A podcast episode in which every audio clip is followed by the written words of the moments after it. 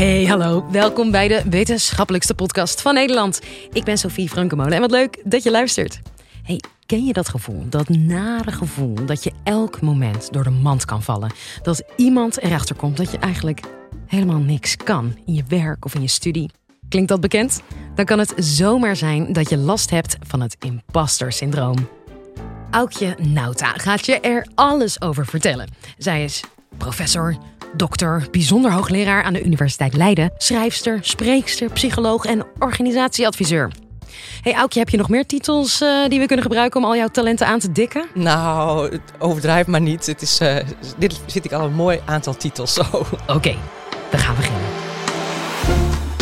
Dit is de Universiteit van Nederland.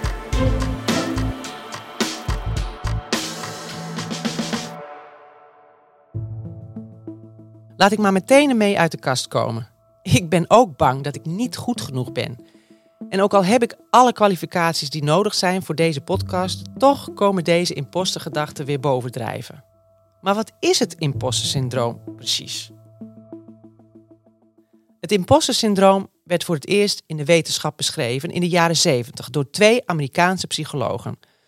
Ze noemen het het bedriegerscomplex. Een intern geloof dat je op intellectueel vlak een oplichter bent die elk moment ontmaskerd kan worden. Mensen die het imposter-syndroom hebben, hebben het angstige idee dat collega's of vrienden binnen afzienbare tijd erachter zullen komen dat ze helemaal niks kunnen en helemaal niks weten, terwijl daar volstrekt geen reden voor is.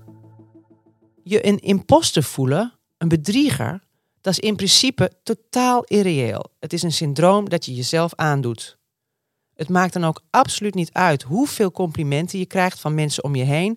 Die goedkeuring van buitenaf, die verdwijnt toch wel in een soort van bodemloze put van onzekerheid.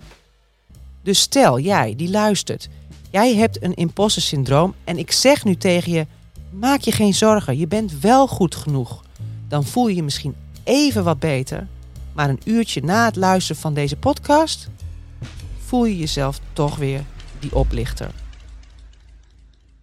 Ik wil samen met jou eens kijken waar deze bedrieger illusie vandaan komt, wat die betekent en hoe we hiernaar zouden moeten kijken. Het imposter-syndroom is vooral gekoppeld aan werk, carrière, sport, studie, etc. Eigenlijk op alle vlakken waar prestatie belangrijk is. In onze maatschappij gaat het continu over presteren en excelleren. We vinden het heel normaal dat je streeft naar het beste. Dat je het hoogste cijfer wilt halen of de beste functie krijgt. Vroeger had je ja, status, rijkdom, macht, uh, puur op basis van uit welk gezin je kwam. je was bijvoorbeeld van adel en uh, dan was je al een heel iemand. Maar tegenwoordig hebben we een zogeheten meritocratie. Dus dat betekent dat je succes, macht, rijkdom afhankelijk is van je eigen merite, je eigen verdiensten. Dus als je niet succesvol bent, dan kun je dat niet meer aan je afkomst toeschrijven, maar alleen maar aan me, myself and I. En deze prestatiecultuur is de perfecte voedingsbodem voor de onzekerheid van ons imposters. We hebben als het ware dus een beetje een impostercultuur gecreëerd. Bijna 70% van alle mensen ervaart wel eens impostergevoelens, zelfs de meest succesvolle. Heel veel mensen hebben dus last van. Vroeger dachten ze dat het vooral vrouwen waren die last hebben van het uh, zogeheten imposter syndroom. Um, maar dat kwam ook omdat in die eerste studies ze eigenlijk alleen maar vrouwelijke respondenten hadden. Nou, later is ontdekt dat ook mannen heel erg te kampen hebben met impostergevoelens. Dus het is niet alleen maar een vrouwending. Bij mensen zoals ik, die kampen met impostergedachten, zien we vaak verschillende persoonlijkheidskenmerken. En ik som ze even op. Zo hebben ze vaak een laag zelfvertrouwen. Check, dat heb ik ook. Ze zijn vaak perfectionistisch. Ze zijn prestatiegericht. Check, dat heb ik ook. Ze hebben faalangst. Check. Ze vergelijken zichzelf veel met anderen. Check. Ze kunnen moeilijk tegen complimenten. Die vind ik dan zelf wel weer heerlijk om te krijgen, ook al ga ik ervan blozen. Ze procrastineren, oftewel ze stellen hun werk uit uit angst dat het toch niet goed genoeg zal zijn. Check. Met opzet werken ze soms niet zo hard, zodat ze niet het verwijt kunnen krijgen dat ze iets niet kunnen. Ze hebben externe validatie nodig. Dat wil zeggen, pas als de omgeving zegt het is oké, vinden ze hun eigen werk ook oké. Check. Ze doen weinig aan loopbaanplanning. Check. Ze hebben vaak geen trek in leidinggevende posities. Check. Misschien herken je wel één of meerdere van deze kenmerken bij jezelf of bij iemand in je omgeving. Maar wees maar niet bang. Ik ga imposters in deze podcast geen levensbedreigende diagnose geven. Het is niks ernstigs. Geen zeldzame ongeneeslijke aandoening of besmettelijke ziekte. Het is eigenlijk iets heel menselijks. Ik ben ervan overtuigd dat heel veel mensen zich herkennen in het rijtje dat ik net opnoemde. Maar alsnog kunnen deze impostergedachten heel vervelend zijn. Continu tegen jezelf zeggen: Ik ben niet goed genoeg. Ik kan helemaal niks. Of straks gaat iedereen zien dat ik een mislukking ben. Dat zijn natuurlijk geen motiverende en oppeppende gedachten. Ze kunnen je verlammen, waardoor er tijdelijk of langdurig weinig werk uit je handen komt.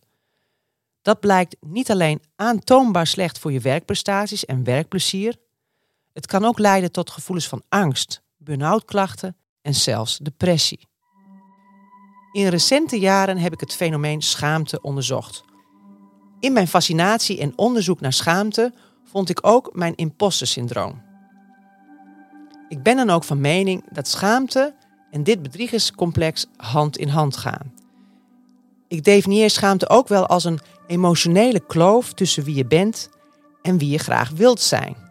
Dat klinkt misschien een beetje abstract, maar ik bedoel zoiets als: je hebt een beeld voor ogen van wie je wil zijn, maar in jouw eigen beleving voldoe je helemaal niet aan dit beeld en dit ervaar je als vervelend, ongemakkelijk en pijnlijk. Je wilt bijvoorbeeld een hele goede spreker zijn, maar zodra je op een podium staat, kom je niet goed uit je woorden. Als je behept bent met het imposter syndroom, is het dan ook nog vaker zo dat er aan de buitenkant weinig te zien is. Op het podium staat een fantastische redenaar, maar zelf ben je bang dat je elk moment door de mand kan vallen. Als presteren en excelleren de norm zijn, dan ontstaat al snel schaamte. Dus op het moment dat je bang bent om door de mand te vallen, en die typische impostergedachte, uh, dan betekent het ja, dat je bang bent niet aan die normen te voldoen. En ja, dat is eigenlijk precies de definitie van schaamte. Schaamte is namelijk te omschrijven als een sociale, morele, pijnlijke angst die je ervaart als wie jij bent afwijkt van bepaalde normen. Dus als de norm luidt dat gij zult presteren, dan roept afwijking van die prestatienorm al snel schaamtegevoelens op. Dus in die zin is schaamte de kern van het imposter syndroom. En voor schaamte, en dus ook voor het imposter syndroom, is maar één oplossing. Eén manier om het gedachtesysteem te ontmantelen. Je moet het omarmen. Maar hoe doe je dat? Hoe overwin en omarm je de schaamte om niet te zijn zoals mensen denken dat je bent? Hiervoor heb ik een aantal tips. De eerste tip is: uh, doe zelfonderzoek. Dus onderzoek bij jezelf van waar je nou precies bang voor bent. Maar vooral ook, wat kan er eigenlijk gebeuren op het moment dat je door de mand valt? En dus uh, ja, ga je dan meteen sterven of valt het eigenlijk wel heel erg mee? Tip 2 is, praat erover. Dit zeg ik niet voor niks, want uit heel veel onderzoek blijkt dat als je praat over je schaamtegevoelens en je impostergedachten, uh, dan ontdek je dat heel veel anderen dat ook hebben en dat dat heel erg ontwapenend is. Dan kan er zo'n sfeer ontstaan van nou, een beetje lachen, uh, een, een, beetje de gek elkaar aansteken, een vrolijke sfeer waarin iedereen alles durft te zeggen. Nou ja, in de kroeg doe je dat eigenlijk vanzelf al met je vrienden, maar doe dat dus vooral ook op het werk.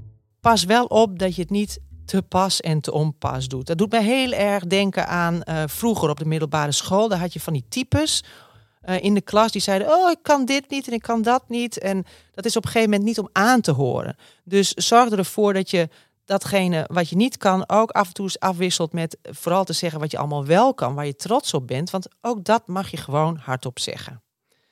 Nou, tip 3 is Kijk naar jezelf als een ander wezen. Of alsof je een soort van acteur bent in een komedie of een personage in een, uh, in een film. You are the man. You are the man. Ook voor de film of die komedie of dat drama geldt.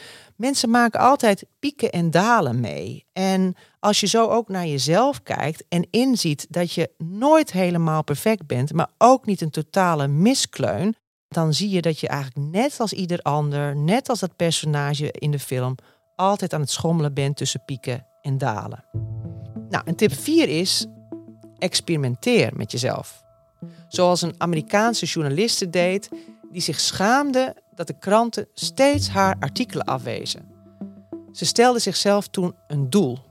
En dan niet het doel om nooit meer afgewezen te worden, maar juist in één jaar tijd 100 afwijzingen te verzamelen. Nou, na dat jaar had ze haar doel ruimschoots bereikt. Ze had 107 afwijzingen gekregen, maar ook 43 acceptaties. Waaronder de acceptatie van één van die artikelen in de New Yorker, precies het tijdschrift waar ze in wilde eh, publiceren. Nou, en dat hielp haar natuurlijk ook heel erg om af te rekenen met het gevoel dat ze geen goede journalist was. Tip 5 is: probeer jezelf niet te vergelijken met anderen. Het is natuurlijk sowieso een slecht idee om je te vergelijken. Als je dat dan toch niet kunt laten, vergelijk jezelf dan vooral met de persoon die je vijf jaar geleden was. Want dan zul je inzien dat je in die vijf jaar tijd jezelf wel degelijk hebt ontwikkeld. Tip 6. Maak grappen over je schaamte. Neem jezelf vooral niet te serieus. En zeg ook hardop tegen jezelf: Ik ben een prutser en dat is helemaal oké. En zo wat als je een prutser uh, bent. We, in zekere zin zijn we allemaal prutsers. We rommelen allemaal maar wat aan. Tip 7. Wees trots op je imposterschap. Want het feit dat je een imposter bent, toont eigenlijk aan dat er een verlangen achter zit om een heel goed iemand te zijn. En ja, juist ook door dat imposterschap wat je hebt, werk je extra hard en ja, ben je feitelijk ook nog eens een aangenaam mens. Want ja, uit onderzoek blijkt dat juist imposters heel goed kunnen luisteren en heel goed kunnen samenwerken met uh, anderen. Om dit even in perspectief te zetten. Het tegenovergestelde van een imposter is iemand die echt incapabel is, maar dit van zichzelf niet ziet. Iemand die vol is van zichzelf, zonder daadwerkelijk iets te presteren. Mensen die continu door de mand vallen, maar dit zelf niet eens doorhebben. Dit noemen we in de psychologie het Dunning-Kruger-effect. Doe mij dan toch maar liever die imposterleier. De essentie van wat je kunt doen als je het imposter-syndroom hebt, is wat singer-songwriter Joe Cohen deed ter bestrijding van zijn plankenkoorts. Ook iets waar veel imposters last van hebben.